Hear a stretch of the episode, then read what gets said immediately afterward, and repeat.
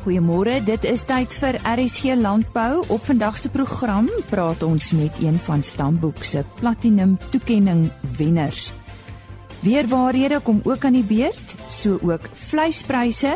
Dan praat ons oor brandewynproduksie in Suid-Afrika en die stand van sake wat die uitvoer van wildsvleis na die Europese Unie betref. Bly ingeskakel. Ons begin met landbou nuus. Annelies Crosby van Agri SA het tydens 'n geleentheid in die Oos-Kaap gesê dat ander opsies vir grondoneening sonder vergoeding oorweeg kan word.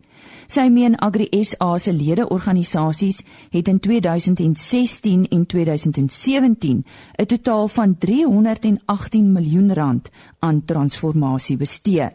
Dit verteenwoordig 'n toename van 58% sedert die vorige finansiële jaar. Meer as 108000 boere het in die afgelope finansiële jaar voordeel getrek uit ontwikkelingsprogramme en ander bemagtigingsinisiatiewe. Ons sluit nou aan by Henny Maas waar hy met een van die SA Stamboek Platinum wenners gesels. Ons gesels nou met uh, Wilhelmus van 'n skuif van Skuif Beefmasters en ons praat met hom oor uh, geleentheid. Dit is uh, die Logic se jaarlikse Vrystaat Elite Vleisbees Inligtingsdag uh, waar daar erkennings uitgedeel is. Uh, Wilhelmus van 'n skuif van die Skuif Beefmasters stoet in die Wes Vrystaat was een van die teelers wat 'n platinum toekenning ontvang het. Nou ons gesels uh, vanoggend met hom Uh verduidelik net eers vir ons Wilhelmus, hoe werk hierdie toekenninge? Uh ag dit dit is uh, standaard hou jaarliks vir sy al sy lede 'n um, uh, kompetisie wat hulle al die kuddes in die land van al die rasse wat by Stamboek geregistreer is. 'n um, 'n uh, kompetisie wat hulle onder andere elke kudde se vrugbaarheid uh ontleed. Dit is nou die tussenkalfperiode van elk van die uh, sy koei. Sy uh, die koeie se uh, se kudde die koeie in sy kudde. Ehm um, so gemiddelde TKP ontleed en dan kyk hulle ook na uh, ouderdom eerste kalwing van jou verse en so aan en dan die onder andere ook na die hoe op datum jou administratiewe deel van jou stoet is en ook die grootte van jou kudde. Ehm um, hulle het nou maar die kriteria waarvolgens hulle elke kudde evalueer en dan gee hulle punte daarvoor en dan op die ouene kies hulle dan nou 'n wenner uit, uit elke streek uit wat ons nou bevoorreg is om die Wes-Vrystaat se wenner te wees vir die jaar. En Wilhelmus, waarom dink jy uh, is dit belangrik vir die bedryf om om sulke toekennings te gee? Ag ek ek dink uh, um, ons stoetelers probeer altyd aan die voorpunt van die bedryf te kom en dit is moeilik om jouself te meet teenoor die ander kuddes in die land as jy 'n nie idee het wat wat by die ander kuddes aangaan nie. So hierdie kompetisie ehm um, uh, gee daarom vir ons 'n idee waar staan ons teenoor die kuddes wat in die in die in die land, die res van die land van Zuid van Suid-Afrika aangaan om ons te te meet op daai manier. So ek dink dit kan ook help om die om die bedryf in die toekoms ook vorentoe te vat en om grense ook te verskuif, ja. Jy het seker heelwat geleer in hierdie proses, né? Nee? Ja, nee, ons uh, ons het baie geleer af dit is ons probeer altyd maar die dinge op die regte manier te doen en ehm um, en ons vrugbaarheid elke jaar te verbeter. En ehm um, as jy 'n soort toekenning kry dan dan dan besef ek jou dat jy daarom op die regte pad is en en elke jaar op daarom verbeter jou kudde. En jou bestuurspraktyke, hoe dink jy het dit bygedra tot die sukses so oor die jare?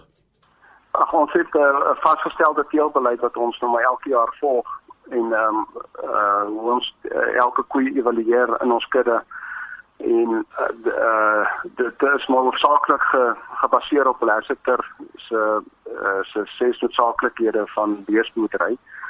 En um, ons evalueer elke koei in ons kudde volgens daai ehm um, ses met saakbeheer van beesboerdery. En ek dit is maar die die grootste rede vir dink ek vir ons sukses is omdat ons streng volgens daai teelbeleid wat ons het selekteer elke jaar. Uh, Brei so 'n bietjie meer uit oor jou boerdery en uh jy weet hoe het jou paadjie geloop tot nou toe? Ag man ek ons is ek boer in 'n vennootskap saam met my broer, ehm um, Seje van der Skuyf. Hy ehm um, is maar meer by die voerkraal betrokke. So die uh die voorkraan is ook 'n belangrike punt van ons boerdery en dit is ook een van die redes hoekom ons ook die beefmaster as ras ook gekies het. Ehm um, omdat dit baie goed in die voerkraal presteer. Ehm um, so uh, ons het ons pa op 'n baie vroeë ouderdom verloor toe ons altyd nog op skool was. So ons het maar met die beesmotory maar begin eintlik uh na sy dood en dit uh van daar af opgebou en is stoet geregistreer en dan ook die voerkraal begin waarmee ons nou besig is. En en wat is nou volgende? Wat gaan nou volgende gebeur? Ehm um, in opsig van die kompetisie gaan uh, Stambok nou die 10 platinum kuddes in die land nomineer wat nou die die beste 10 kuddes in die land is. Ehm um, so ons uh, kyk uit daarvoor en ons hou duim vas daarvoor, ja. Ons sê dankie aan Wilhelmus van der Skuyf van Skuyf Beefmasters. En op donderdag gesels ons natuurlik ook altyd oor enigiets wat impak het op ons weer en klimaat. Weer waarhede saam met Johan van der Berg.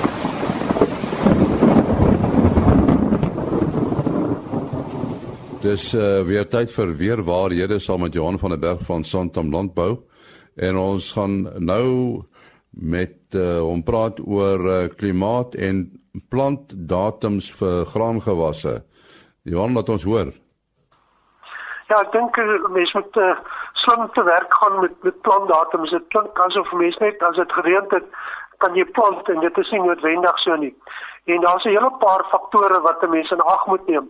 Uh die eerste is die in- en uittreë datums van ryp baie belangrik daar wat die mens kan weet wanneer uh is daar mens kan nie 100% sê nie want daar kan altyd nog 'n laatryp kom maar 'n mens met 'n aanvaarbare datum daarso by daar is inligting wat vir mense dan help daar. Die ander een gaan oor die aantal litte of groei eenhede per gewas en dit is vir somergewasse. Uh dat daar wanneer daar geplant word daar genoeg tyd oor is in terme van die aantal litte eenhede uh dat die gewas vol wasvlei kan bereik.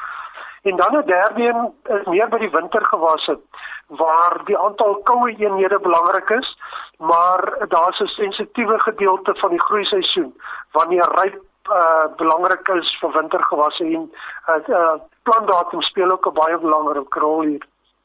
So mense kan nie altyd kies wanneer om te plant soos ek gesê het nie. Partykeer is dit te droog. Uh en maar 'n mens kan besluit of jy wil plant of nie plant nie want partykeer is die risiko net te hoog.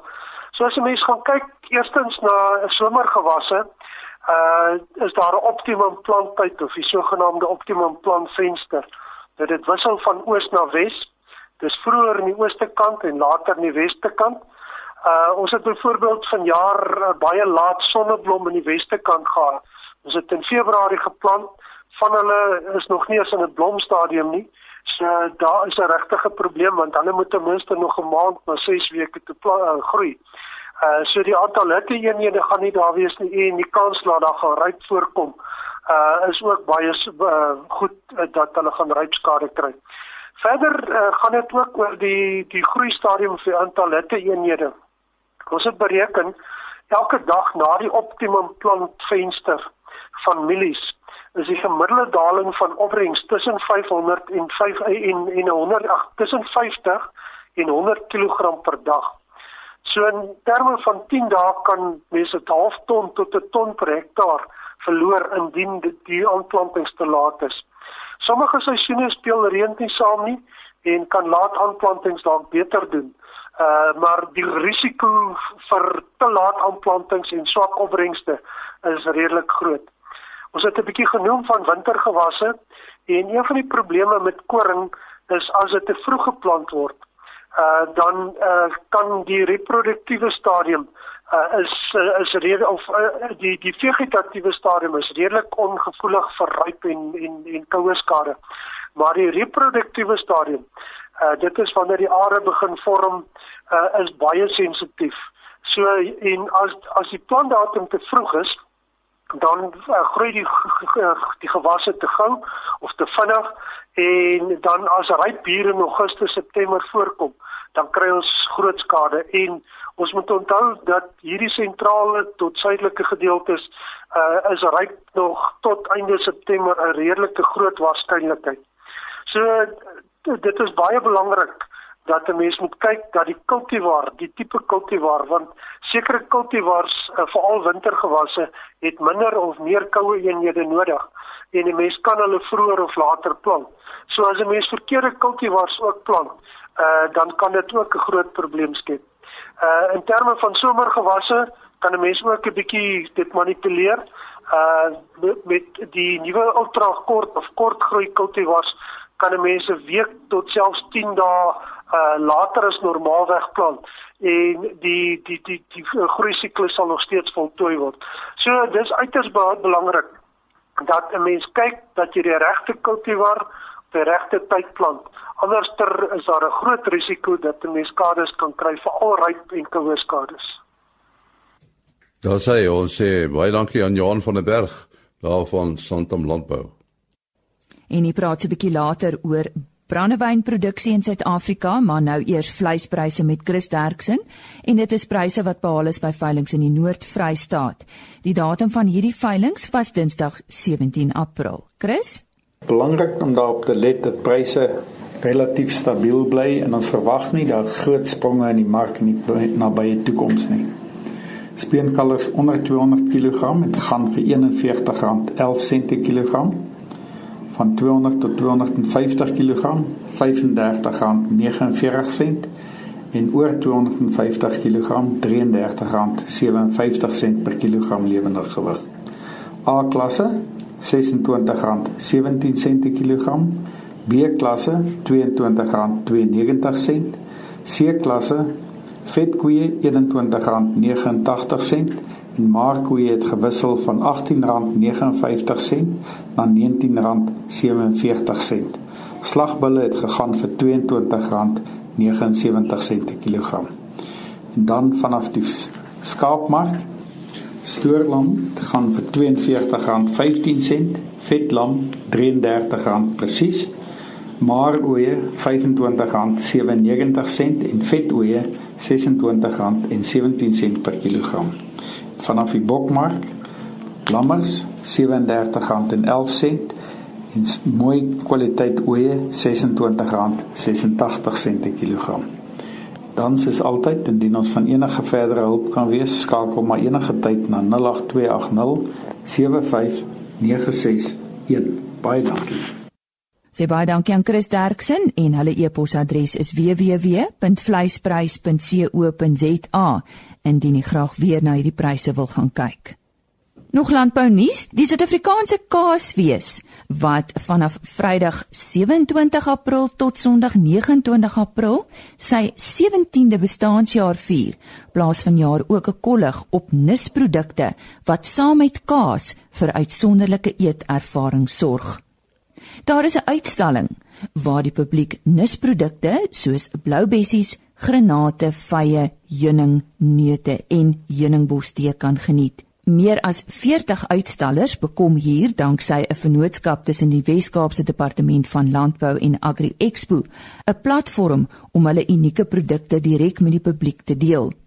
Kosentoesiaste kan hier proe-proe kom leer hoe waterwys produkte, sampioene, hidroponiese krye en rooibos tee, hoe hoog in oksidante en veeldoelig granate is, as ook hoe groenteboere op die Kaapse vlakte groen maksimaal benut. Onthou die SAKsfees vind plaas oor die Vryheidsdag lang naweek van Vrydag 27 tot Sondag 29 April op die plaas Sandringham buite Stellenbosch. Kaartjies is beskikbaar by enige Computicket Shoprite of Checkers winkels teen R180 per persoon per dag. Senior burgers betaal R120 en kinders van die ouderdom 2 tot 13 jaar betaal R20 per persoon per dag. Geen kaartjies is by die hekke beskikbaar nie. En nou gesels Henny Maas en sy gas oor brandewyn. Ons uh, gesels nou met uh, Christel Reed Jean Nou Christel is die direkteur van die Suid-Afrikaanse Brandewyn Stichting. Christel Brandewyn. Kom ons begin heel aan die begin. Waarvan en hoe word brandewyn gemaak? Ah, oh, dankie Henny. Dit is 'n interessante storie om daaroor te gesels. In Suid-Afrika word brandewyn slegs van druiwe gemaak. Ehm um, dit maak dat ons brandewyn van die hoogste gehalte is in die wêreld en beslis met die beste brandewyne en konjaks kan meeding. Die maak van goeie gehalte basiswyn is die eerste stap in die maak van brandewyn. So die wyn moet van die hoogste kwaliteit wees om afsmaake gedurende die destilleringsproses te voorkom. Distillering werk op die basis dat water en alkohol mos ehm um, teen verskillende temperature kook soos byvoorbeeld water kook mos ons soos ons almal weet teen 100 grade Celsius en alkohol kook teen 88.3 grade Celsius. Dit beteken as jy of sies basis wyn verhit, sal die alkohol wat in die vloeistof verteenwoordig is, sy verdampingspunt voor die watersin bereik. So as die alkohol dan begin kook, verdamp dit. Hierdie alkoholiese dampe word dan opgevang verkoel en gekondenseer terug na vloeistofvorm. Dit maak dan die kern van die destilleerproses uit. Die gedestilleerde vloeistof het dan al klare hoër alkoholvlak as die oorspronklike vloeistof. So in Suid-Afrika word ons brandewyn twee keer gedestilleer in koper potketels. Koper is ook 'n goeie hittegeleier en reageer met enige swaal wat teenwoordig mag wees in die basiswyn. Dan nou na jou eerste destillering het die rebrandewyne alkoholvlak van 30% en dan na die tweede destillaat ehm um, skuif dit op na 70% toe. Die eerste dampe van die proses word die voorloop genoem en dit word verwyder as gevolg van ongewenste geure of esters. Die tweede gedeelte van die brandewyn word dan die hart genoem en dit is die siel van die brandewyn. Dit is dan die produk wat in eikehoutvate weggesit word vir 'n minimum van 3 jaar. Dis gedurende hierdie verouderingsproses wanneer brandewyn sy kleur en aroma kry. Van daarna skep die meeste distilleerder um en versny hierdie brandewyne om die perfekte produk te skep. So dis jou basiese proses. En en en watter tipe wyne is geskik vir brandewyn maak? So in Suid-Afrika gebruik ons hoofsaaklik die druifkultivars Colombar en Chenin Blanc. Uni Blanc is ook 'n gunsteling. Uh, dit word veral in cognac gebruik. En basiswyn verskil van tafelwyn in dat daar laer suikervlakke geoes word. En dan mag ook geen swaweldioksied bygevoeg word nie. Ehm um, slegs vry afloopsap mag gebruik word en geen breimiddels word toegelaat in die basiswyn nie. Nou daar's blykbaar 3 tipes brandewyn. Uh waarom 3 tipes? Praat 'n bietjie daaroor. Ja, in Suid-Afrika het ons 3 klasse brandewyn. Uh potketel brandewyn, vintage of oesjaar brandewyn en dan versnit brandewyn ook. Potkeelbrand Potketel brandewyn is 100% verouderde brandewyn met 'n minimum ABV van 38%. Vintage of oesjaar brandewyn is Potketel brandewyn wat met verouderde wynspiritus versny is waarby beide elemente 8 jaar verouder moet wees. Dit het 'n minimum van 38% ABV. En dan laastens het ons versnit brandewyn wat minimum 30% potketel brandewyn is en dit moet word met onverouderde wynspiritus versny. Hierdie produk is ontwikkel om met 'n koeldrank of 'n sap gemeng te word as 'n as 'n verfrissende mengeldrankie. En uh Suid-Afrikaanse brandewyn, hoe vergelyk dit met met die res van die wêreld se? Suid-Afrikaanse brandewyn doen uiters goed op globale vlak. Uh soos ek voorheen genoem het, is ons produksiestandaarde van die hoogste ter wêreld. Uh snaaks genoeg het ons in 2014 'n analise gedoen van 12 lande se brandewyn wat uh drywe gebruik as hulle basis en ons standaarde was die hoogste. Um ons wen dus jaarliks baie groot op die globale verhoog en het verlede jaar beide die IWSC as ook die ISC trofee vir die wêreld se beste brandewyn in Londen gewen. En en hoe lyk die globale brandewynmark uh op hierdie stadium? So globaal is brandewyn aan die afneem uh, met 'n 0.5% saamgestelde jaarlikse groei oor die laaste 5 jaar. Maar dit is eintlik meer sinvol om ons binnelandse mark vir brandewyn te vergelyk met lokale spiritus kategorieë soos ontleikende marke Baiyu in in China, Cachaça in Brazil, Tequila in Mexico en hierdie binnelandse markte groei teen 5% volume oor die algemene te 5 jaar. En dis die tipe van groei wat Brandewyn kan bereik gegee 'n ondersteuning van die industrie en die regering. En en die impak van die droogte in die Wes-Kaap, watter impak het dit uh, op op brandewynproduksie en uitvoere veral? Ja, die droogte het maar groot impak op die drywe um, en en natuurlik die oes wat ons in die Weskaap ehm um, bereik op hierdie op hierdie stadium. Ehm um, en daar's ook 'n uh, uh, beperkte drywe voorsiening van die e, die Europese Unie. En beide daardie effekte gaan 'n negatiewe impak op brandewyn hê en dit sal 'n koste-inflasie druk plaas op die finale produk. En die maas wat daar gesels het met Christel Reed Jean, sy is die direkteur van die Brandewyn Stichting in Suid-Afrika. Ons gesels nou oor wildsvleis. Ons gesels nou met uh, Piet Neetling, hy is die voorsitter van Game SA. En ons praat met hom na aanleiding van die feit dat uh, die Europese Unie onlangs bekend gemaak het dat uh, die invoer van Suid-Afrikaanse wildsvleis gaan opskort. Uh ons moet miskien net eers definieer uh wat is die rede dat Suid-Afrika nie sy wildvleis na die Europese Unie kan uitvoer nie? Ja, op die stadium is dit is dit dat dis residue dit sou wat nie volgens die prosedures van die residue program van die Europese Unie is nie. En dit het die gevolg dat krokodil en volstruisvleis nie heiliglik uitgevoer word na die Europese Unie. Wat sy kan nog uitgaan en maar net zebra wat gespreek nie gespreek oor diere is nie. Ons is al 8 jaar toe om uit te voer aan die Europese Unie met ander woorde die springbok en so meer as gevolg van die back and close hier uitbraak wat in 2011 in KwaZulu-Natal was. En en nou die uh, inspekteurs elke nou en dan inspeksie hier.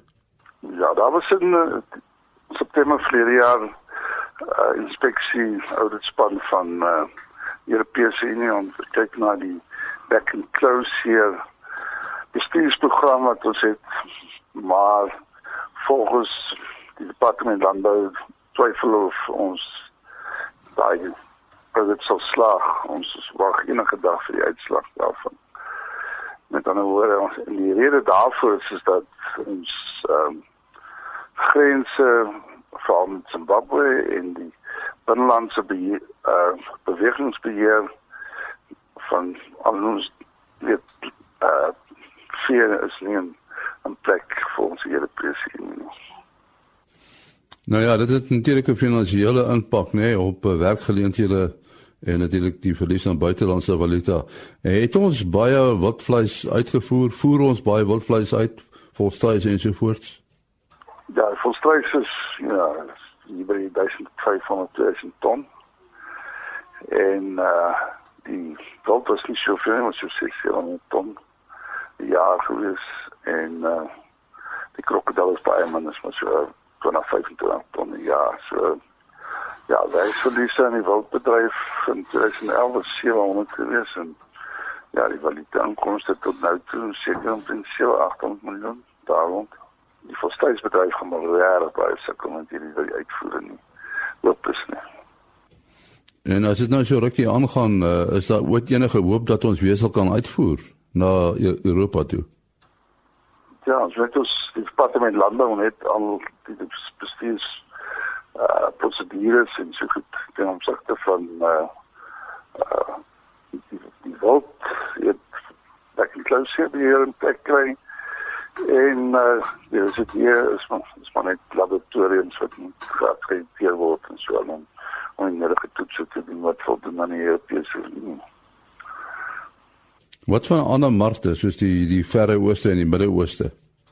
Ja, dit is 'n baie moeilike mark, die Verre Ooste. Want dit sit met geloofs ehm uh, prosedures wat moet nagevolg word en natuurlik springbokke en paardes is vreemde diere vir mense in die Verre Ooste. Dit is so dit is moeilik van 'n volstruiskant af as mens die voelgriep noem en vol nie verder was dan blacking is verder nie. So dit is baie bang vir voelgriep. En as jy mens nou kyk na die binnelandse mark, uh ek weet daar is nou onlangs uh meer gekonsentreer op die binnelandse mark, maar dis seker nie so betalend soos die uitvoermark nie. Nee, definitief nie. Die uitvoermark is baie baie baie betalend, 70-40% meer as wat die binnelandse mark is. Die boer op die oomblik hier dat ons nie wil uitvoer nie, is die boer die, die grootste verlorer. Maar dat sou seker maar meer moet konsentreer op die binnelandse mark. Ja, dit is definitief 'n mark wat ons op die binnelandse mark het. So net die kwaliteit van ons wat ons wag nou 'n paar dekades vir die departement landbou om ons vleisregulasies te te publiseer in die staatskoerant. Die goed is opgetrek en hopelik sal ons binne die volgende paar maande dan sal die seker die wildsvleis kwaliteit sou op die mark gekom en snel dit dieselfde ervaring wat die eter het van een stuk wildsvleis na die ander nie. Ja, sê baie dankie aan Piet Neetling, hy is die voorsitter van Game SA. En daarmee sê ons ook baie dankie dat jy saam met ons gekuier het vandag. Onthou ons is dan weer maandagooggend net so skuins na 05:30 terug met nog RC landbou nuus van ons kant af. Chris Viljoen is môreoggend op sy pos om kwart voor 5. Goeie naweek vir u. Totsiens. RC landbou is 'n produksie van Plaas Media. Produksieregisseur Henny Maas. Aanbieding Lisa Roberts en inhoudskoördineerder Jolandi Root.